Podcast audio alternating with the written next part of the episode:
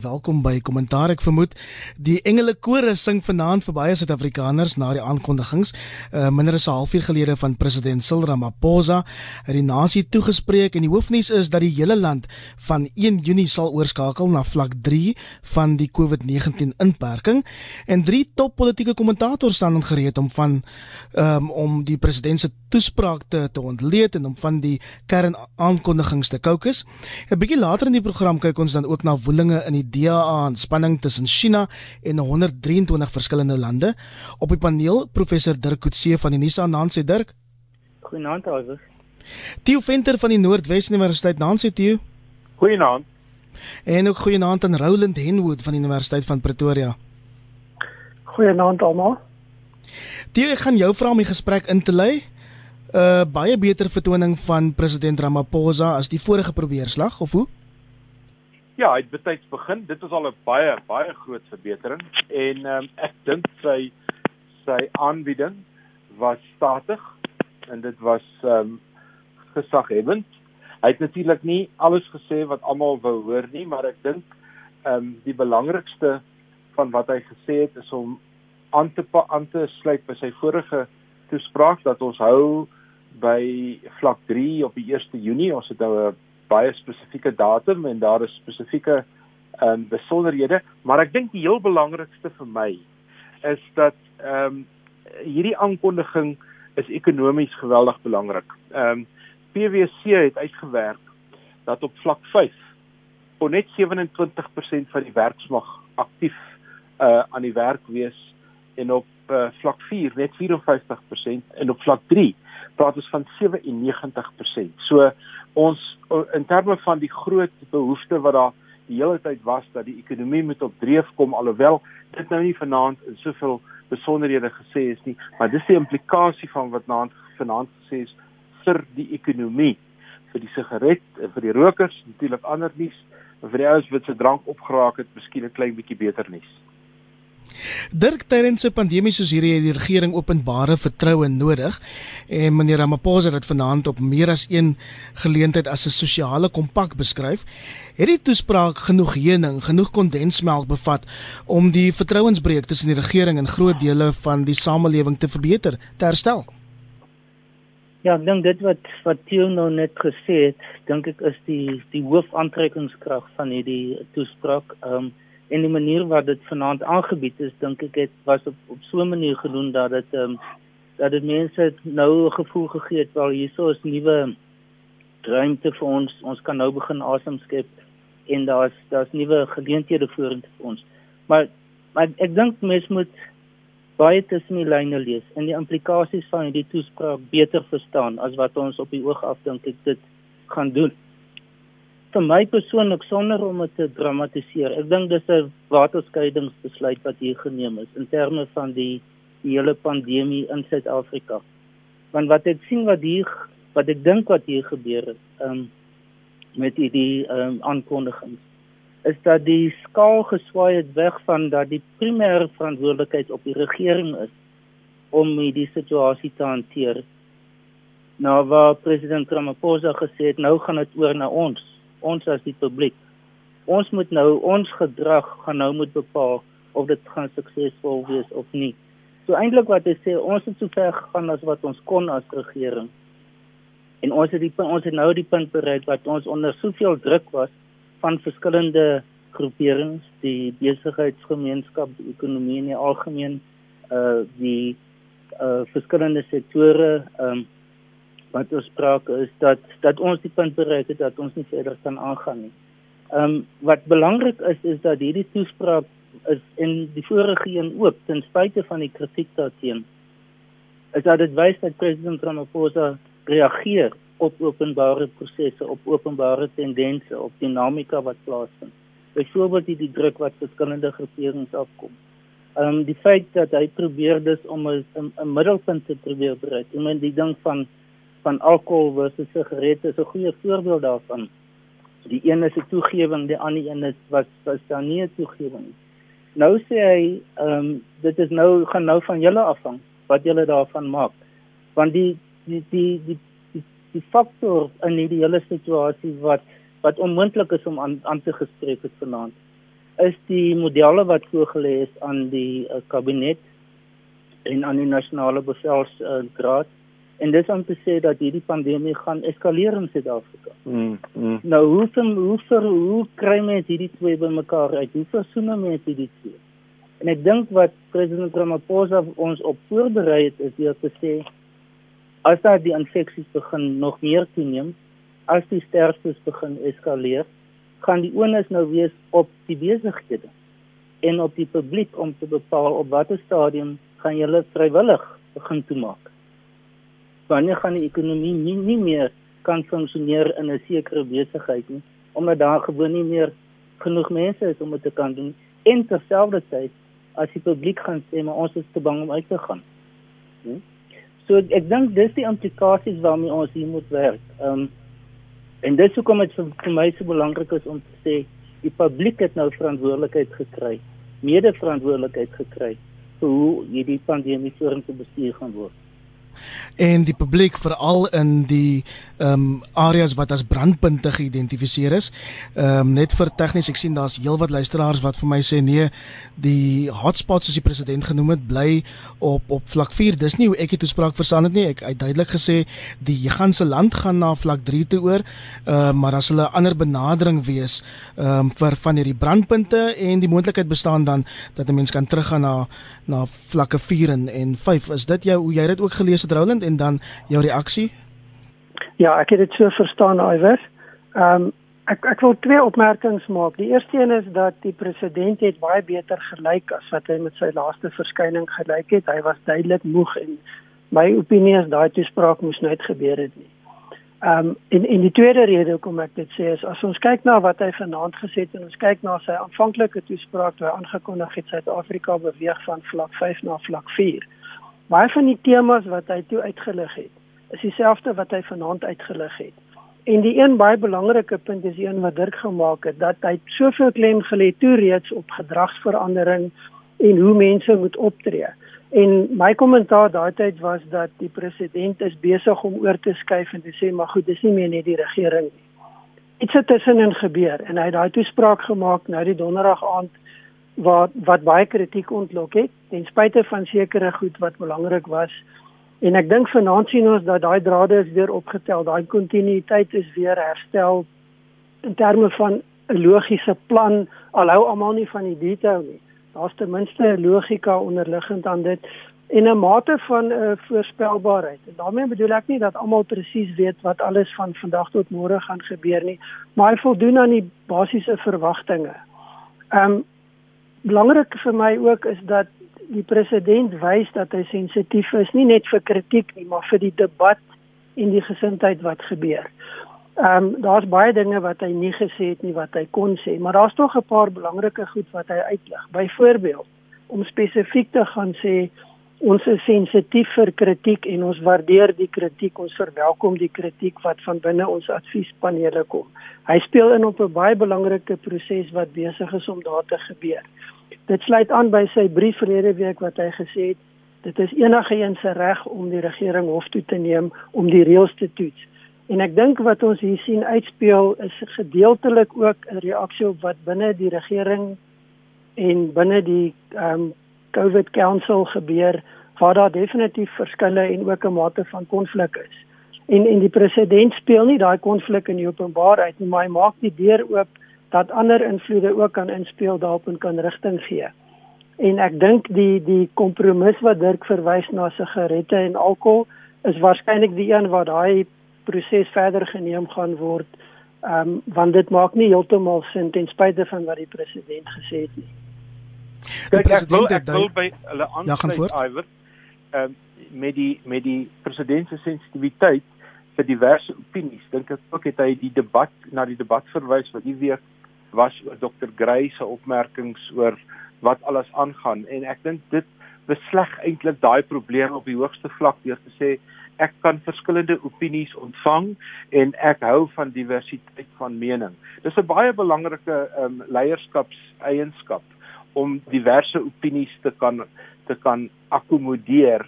Ehm um, uh, as 'n mens nou net vir 'n oomblik hom met Donald Trump moet vergelyk, dan besef jy dit is iets wat Donald Trump glad nie kan doen nie. Van die goed wat Roland ook na verwys het, is byvoorbeeld goed wat nie in die Donald Trump leierskaps uh, gereedskap kussie bestaan nie, maar hier wys jy net watter watter standaard en watter kwaliteit leierskap die huidige president wel het. Tio, voor ek daarmee aansluit, um, ek dink ek het nou baie goeie punte gemaak en ek wil dit vir ehm um, vir spesifiek vir Dirk stel, maar Roland het 'n ding genoem dat die president se vorige toespraak nooit moes gebeur het nie. Mm. En ek vra dit vir jou omdat ek weet jy het bietjie inligting ehm um, oor wat in die binnekring gebeur het. Wat was vanaand anders agter die skerms as die vorige keer? Ja, ek stem met Roland 100% saam. Die vorige toespraak moes eintlik nie gebeur het nie. Wat agter die skerms gebeur het, sekere ministeries het eenvoudig nie geslaag daarin om hulle insette vir die president betyds te gee nie. En die president was onder druk om 'n uh, afspraak met die nasie na te kom op radio en op TV. En op 'n stadium moes iemand die die die besluit neem, gaan ek op die lug of nie? En daar is besluit jy gaan op die lug want jy het 'n afspraak en die departemente sal net eenvoudig maar na die tyd die die pak slaag moet kry wat te verduur as hulle nie betyds en hulle goederes in plek het nie. Ek dink hierdie keer het um, ek het selfs gewonder of hy nie hierdie toespraak al vroeër in die week kon hou nie, maar ek dink hulle het eerder gewag tot hulle al die insette gehad het, behoorlik geëvalueer, behoorlik bespreek en en nou het dit plaasgevind. So ja, Roland is heeltemal reg met daai opvatting dat ehm um, dit was 'n uh, dit was eintlik 'n konflik binne in die ANC binne in die regering wat ons die wat ons voor ons oë sien afspeel het, maar ons het nie die agtergrond gehad om te weet waarom dit gebeur het nie. So goed, meneer Ramaphosa het duidelik vanaand die woede probeer adresseer wat bestaan rondom die openbare uitsprake van professor Glenda Gray, sy is die president van die Suid-Afrikaanse Mediese Navorsingsraad en ehm um, dis een ding Dirk as die president sê hy's bereid om diverse opinies te akkommodeer, soos Roland vroeër uitgewys het, maar is nie noodwendig die geval in die res van die regering nie. En 'n groep vooraanstaande wetenskaplikes het juis oor die naweek vir professor Gray in die bresse getree na druk van adjunk direkteur-generaal wat daarop aandring dat professor Gray ondersoek word vir vir haar uitsprake. Ehm um, kry jy die indruk dat daar in dele van die staat, duidelik nie van die president nie, pogings is om die beginsels van akademiese vryheid van spraak te ondermyn? Ja, dit, ek dink dit is 'n goeie voorbeeld daarvan, ehm um, waar daar baie sensitiwiteit is oor oor kritiek. Ehm um, dis gewoonlik op lae vlakke. Dis iemand soos president Ramaphosa wat ek dink die die vermoë het of die die motivering het om te kan sê ek akkommodeer dit. En ek dink nie dit is net dat hy dit sê nie. Die wyse waarop hy sy konsulteringsprosesse hanteer um, is duidelik daarop ingestel om soveel as moontlik standpunte te hoor en en dit uiteindelik te probeer akkommodeer. Nou die hele kwessie rondom die gebruik van van ter, van wetenskaplike bevindinge en kennis en advies dink ek het, het 'n baie interessante wending geneem um, met met hierdie pandemie in die in ons die Suid-Afrikaanse regering se hantering daarvan. En ek ek net om dit vinnig op te som, ek ek sien dit op aan die volgende op die volgende manier. Uh, reg in die begin laat um, in Maart um, en toe die eerste aankondiging gemaak is was die die insette van van akademici en van medie van kundiges en van wetenskaplikes was dit hoofsaaklik van die mediese kant af gekom in die vorm van hierdie ministeriële advieskomitee en dan was professor Karim en professor Lindra Gray en almal was baie prominent geweest. Wat ons nou die afgelope tyd begin sien het, is dat daar 'n nuwe fase ontwikkel het. En op daardie stadium het hulle amper 'n monopolie op insette gehad. Wat ons nou begin sien het, is dat daar baie verskillende tipe van insette begin inkom, die verskillende drukgroepe wat wat begin druk plaas het op die regering um, verskillende groeperings wat hulle eie uh, kundigheid um, op die tafel gesit het ekonomiese vooruitskattinge en en statistieke wat ter sprake gekom het. So die die wetenskaplikheid daarvan het begin verander. Dit was nie net meer eksklusief ek uh, gesondheidswetenskaplike uh, kennis wat op die tafel gesit is nie. En dit is tipies van besluitnemingsprosesse hoe dit oor tyd ontwikkel of besluitnemingsprosesse in 'n regering.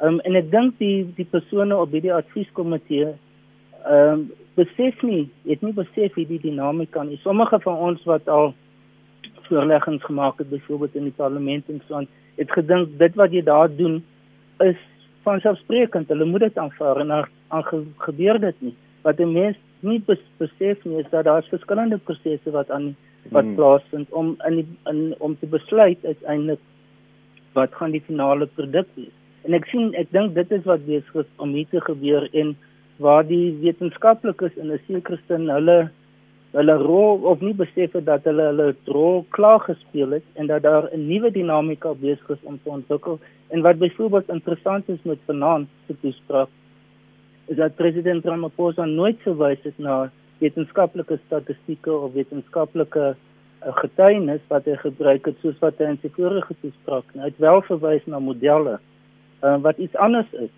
Um, as die die gesondheidsstatistieke en en en uh akademiese kundigheid wat voorheen 'n rol gespeel het. So ek dink dis daar's 'n dinamika by besluitneming wat baie mense in by universiteite en navorsing so nie besef nie. Um en wat hulle dus nie in ag neem as hulle sê wel hulle word nie meer in ag geneem op die oomblik nie. Ehm um, Roland om Dirk se analise bietjie verder te kontekstualiseer. Dr. Willem Kiesie, die minister van gesondheid, sê donderdag professor Gray breedvoerig in die openbaar geantwoord en hy het ook in soveel woorde gesê dat dit nie 'n plek is om sekere uitsprake te maak nie. Dink jy dinge gaan bietjie skuif um, in terme van hoe die regering na ons wetenskaplikes kyk en um, in die in die komende paar weke en maande?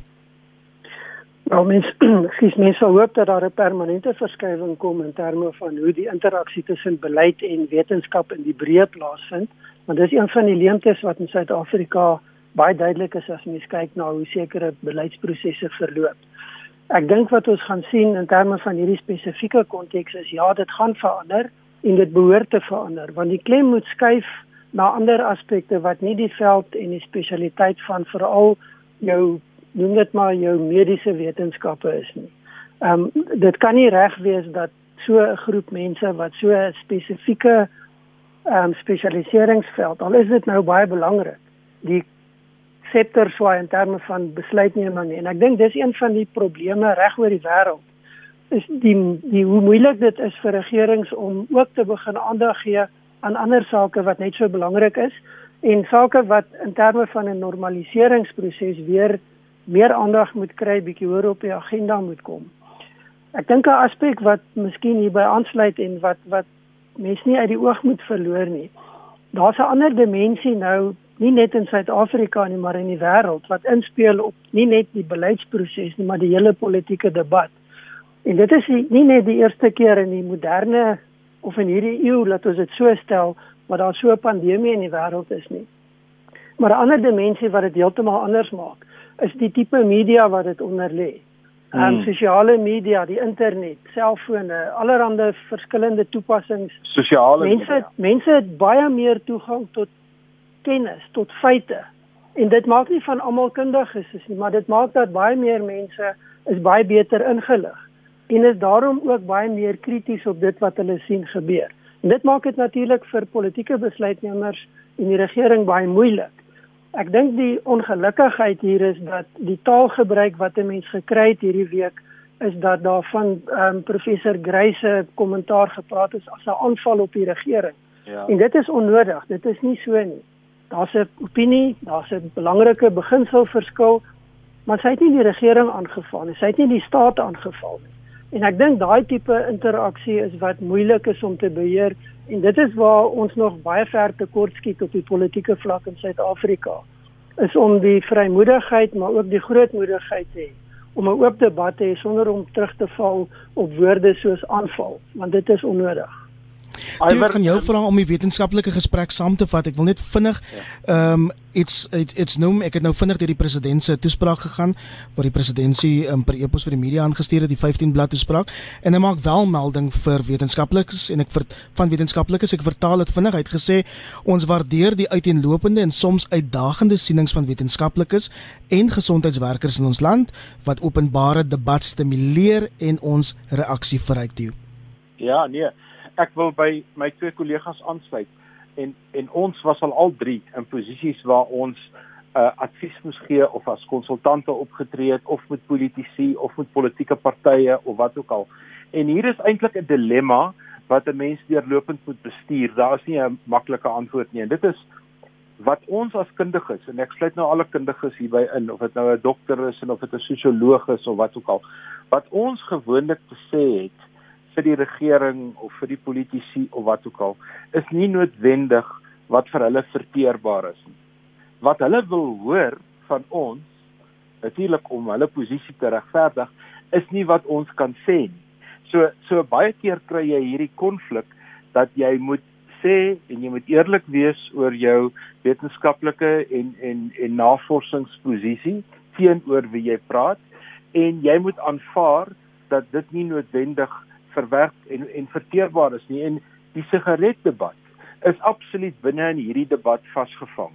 Dis duidelik dat die dat die sigaretbesluit gaan politieke konsekwensies hê en die regering gaan dit moet bestuur. Dalk word volgende jaar se plaaslike verkiesing word die sigaretverkiesing genoem. Wat wat weet ons waar ons nou staan? Maar ehm um, daar is wetenskaplike getuienis wat sê dat rokers as hulle die COVID-19 ehm um, uh uh virus optel baie vinniger in in 'n ventilator moet wees of baie vinniger by 'n ventilator moet wees en ander met ander woorde 'n baie groter um, eis op die mediese infrastruktuur plaas as nie rokers nie. En die regering se besluit dus met al sy insette is rook gaan vir nog 'n vlak of wat buite die bereik van mense bly en dan wil ek aansluit by my vorige by my twee kollegas op wat gesê het die onus is nou op ons.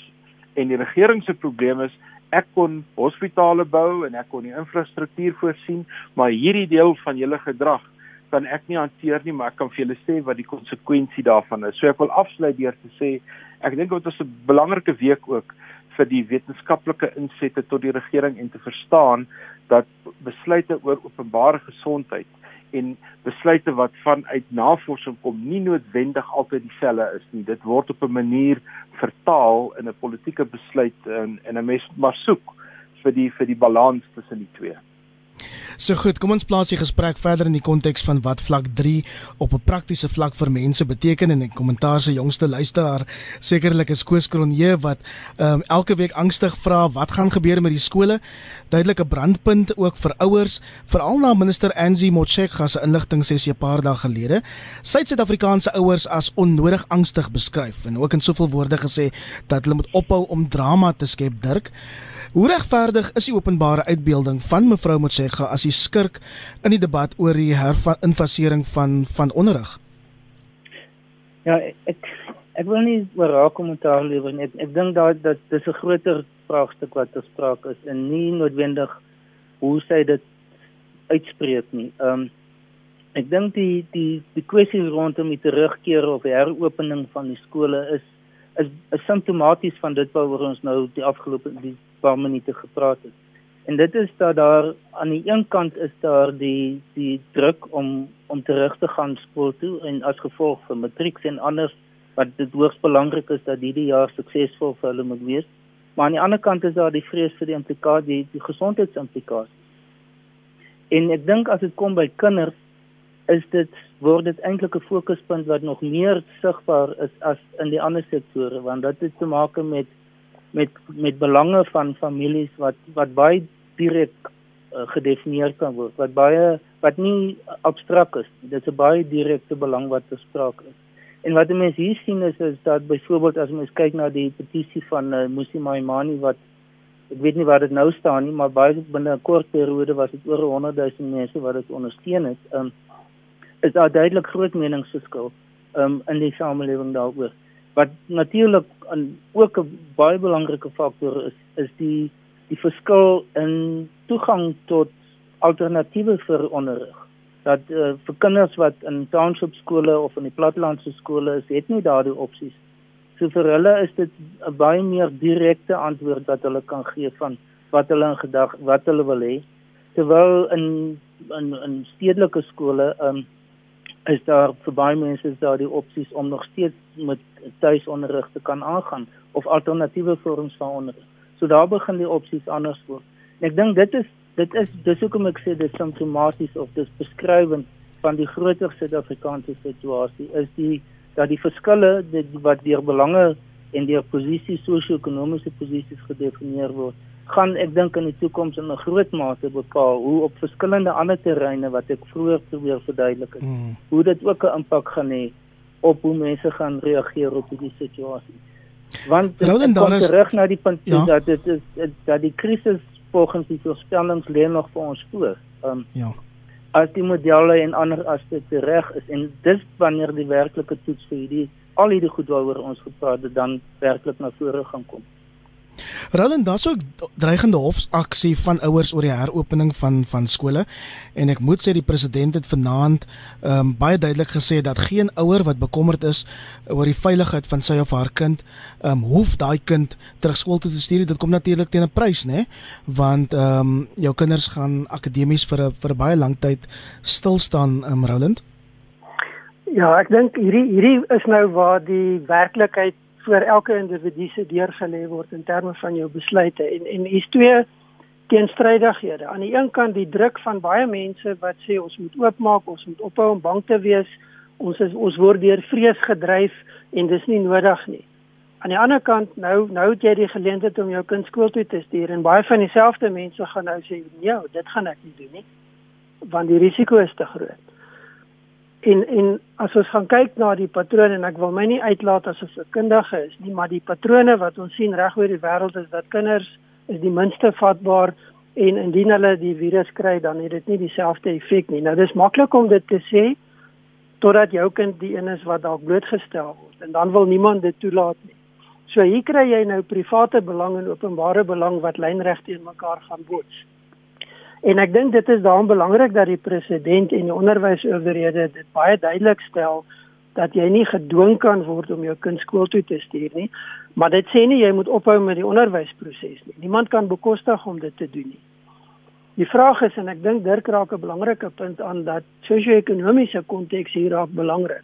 Want baie van die mense wat net eenvoudig nie 'n ander keuse het as om die openbare onderrigproses te gebruik, gaan in skole ingaan wat waarskynlik die minste geskik is om hierdie proses te bestuur soos wat almal sê dit bestuur word. En hier moet ons realisties wees en en ek dink daar's twee punte wat ons kan maak. Die een is dat as ons kyk na die terugvoer wat aan spesifiek minister Motshekga gegee is uit die onderwysvakbonde, was dit nogal baie positief oor haar gesindheid, haar benadering selfs van vakbonde wat heeltemal buite die ANC staan. Ehm um, dit aan die een kant aan die ander kant word sy beskuldig dat sy nie op hoogte is van wat in die skole aangaan nie. En ek dink nou is ons terug by die realiteit van Suid-Afrika. Die geweldige gapings wat bestaan tussen verskillende sektore, tussen verskillende segmente van die samelewing, tussen ryk en arm. En en dit is hier waar die skoolstelsel voortdurend uitspeel en nou ook in terme van die COVID-virus word die skoolstelsel weer een van die kritiese elemente wat al daai probleme vir ons uitwys. En dan bly die vraag natuurlik, jy kan die planne hê, ons het baie goeie planne altyd in Suid-Afrika.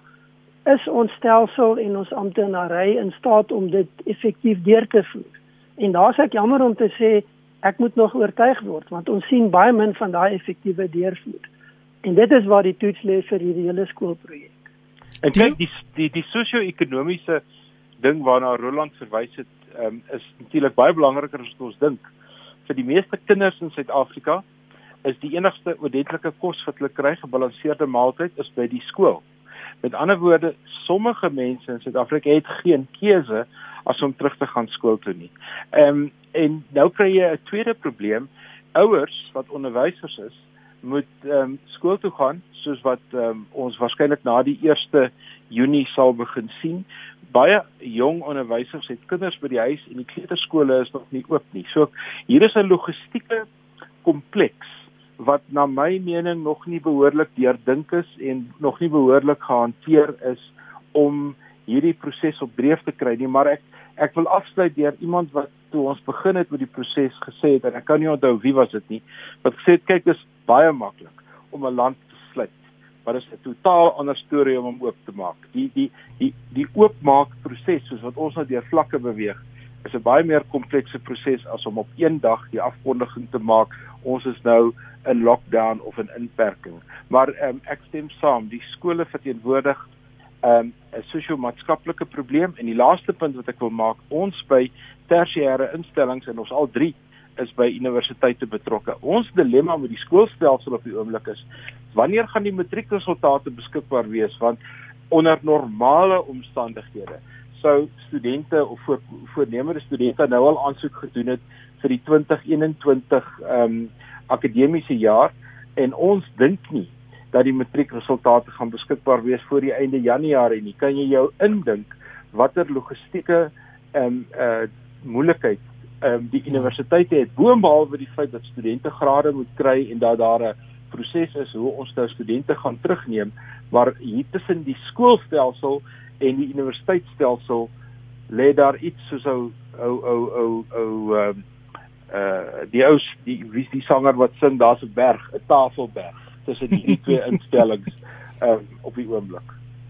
So dis eintlik terug hok toe vir die land se 250 000 onderwysers of vir ten minste 250 000 onderwysers almore om gereed te kry vir die graad 7 en matrieks, graad 7 en 12 leerders wat dan op die 1 Junie ehm um, skool toe moet gaan. Kom ons kry 'n buitelandse perspektief op COVID-19 en meer as 100 lande steun 'n resolusie vir die komende wêreldgesondheidsvergadering waarin 'n onafhanklike ondersoek van die pandemie gevra word. Met ander woorde, meer as 100 lande soek antwoorde woorde by China oor wat skeef geloop het.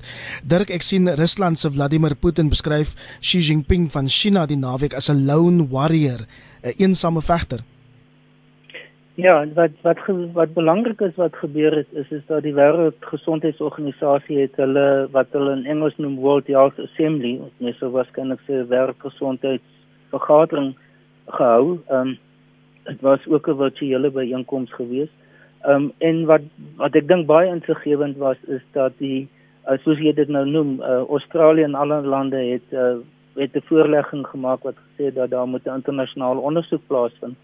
Ehm um, ek dink die die wat meer wat ons vorentoe meer en meer gaan sien is dat ge, gegee die geweldige koste, die van in terme van menselewens en terme van ekonomiese koste wat wat nou oor in meer as 200 lande ervaar word. Ehm um, gaan iemand begin sê maar iemand moet hiervoor verantwoordelikheid neem, nee. Dit is nie net iets wat gekom en gegaan het en ons vergeet daarvan en dis verby nie.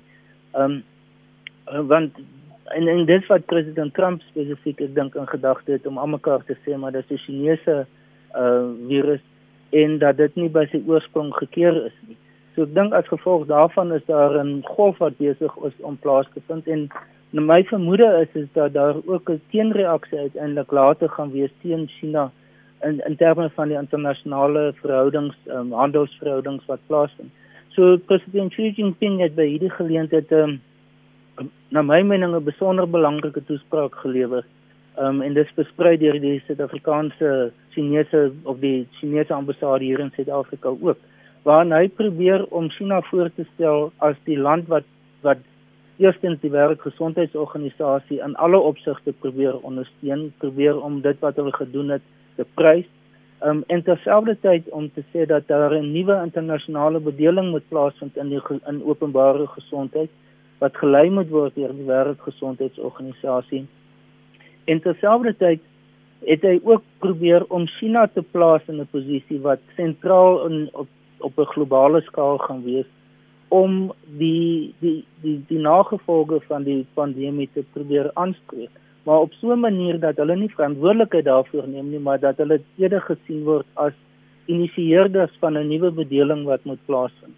Ehm um, een deel daarvan is om byvoorbeeld te sê dat daar moet groter klem wees op Afrika. Nou uit 'n diplomatieke globale diplomatieke oogpunt is dit 'n baie slim skuif van China om te sê ons is besig om mense spanne te stuur na Afrika lande om hulle te ondersteun, maar dit moet ook op 'n groter skaal na die epidemie wees.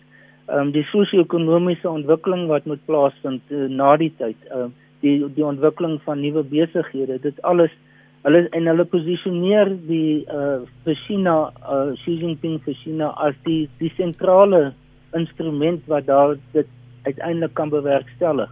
So uit hierdie geleentheid uh, baie goed probeer gebruik na my mening om China op 'n op 'n internasionale basis te plaas om te sê wel ons het begin dink al oor die die implikasies hiervan um, en wat ons vorentoe kan doen om om dit te verhoed dat daar weer iets soortgelyks hmm. kan plaasvind. So ek dink uit, uit daardie uh, oogpunt is is dit iets wat uh, wat 'n mens moet dophou um, en dit het hom natuurlik direk opgestel teenoor die standpunte van pres, uh, president uh, Trump. Ek wil nou jy sê COVID-19 het hierdie vyandskap tussen Amerika en China nogal blootgelê, ehm um, maar ook internasionale verhoudinge wat op ander vlakke versterk is en dit sal vir my interessant wees om te sien hoe dit uitspeel. Gaan die gaan die wêreld vorentoe uh, meer verdeeld wees of of of meer verenig? Die tyd is besig om ons in te haal en ek wil ons vir die debat skuif um, want en vinnig praat oor partytetiek. Die DA oorweeg om hulle leiersverkiesing einde Oktober op 'n virtuele platform te hou, 'n ontwikkeling wat baie mense sê die kanse sal versterk van die tussentydse leier John Steenhuisen om die permanente leier van die DA te word, Roland. Ja, dit is moontlik. Ehm um, hy het 'n sterk profiel op, opgebou binne die DA en hoe hy homself binne die DA geposisioneer en ook die rol wat hy gespeel het. Ehm um, maar mense moet sien dit is iets nie in Suid-Afrika, dis nog nooit hier gedoen nie. Dis iets wat baie min gedoen en in die breë is daar nog baie skeptisisme by mense oor hierdie tipe manier van van van 'n partybestuur en selfs dan oorgaan tot verkiesings. So mense moet sien hoe dit gaan gebeur, hoe dit bestuur gaan word.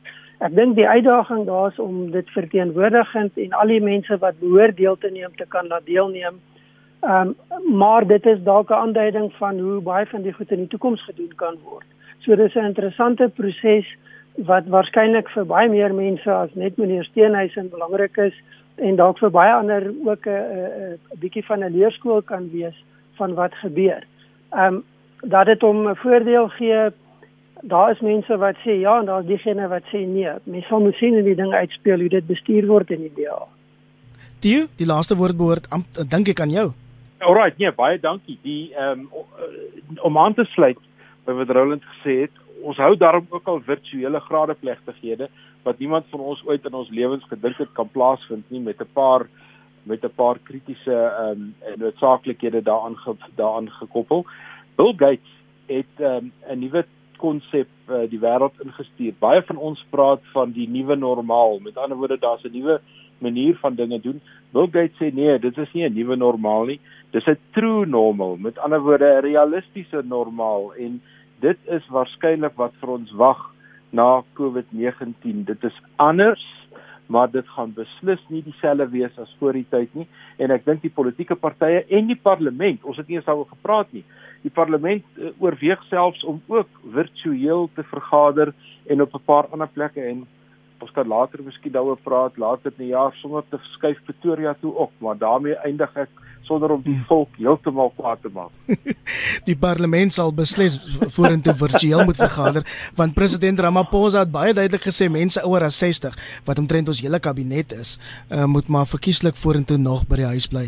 Baie dankie vir julle insigte. Ek weet Monitor het môreoggend 'n volledige verdere ontleding van wat vlak 3 vir Suid-Afrika beteken. Ek wens daar was nog meer tyd professor Dirk Coetzee van die NISA. Altyd 'n voorreg. Baie dankie Dirk.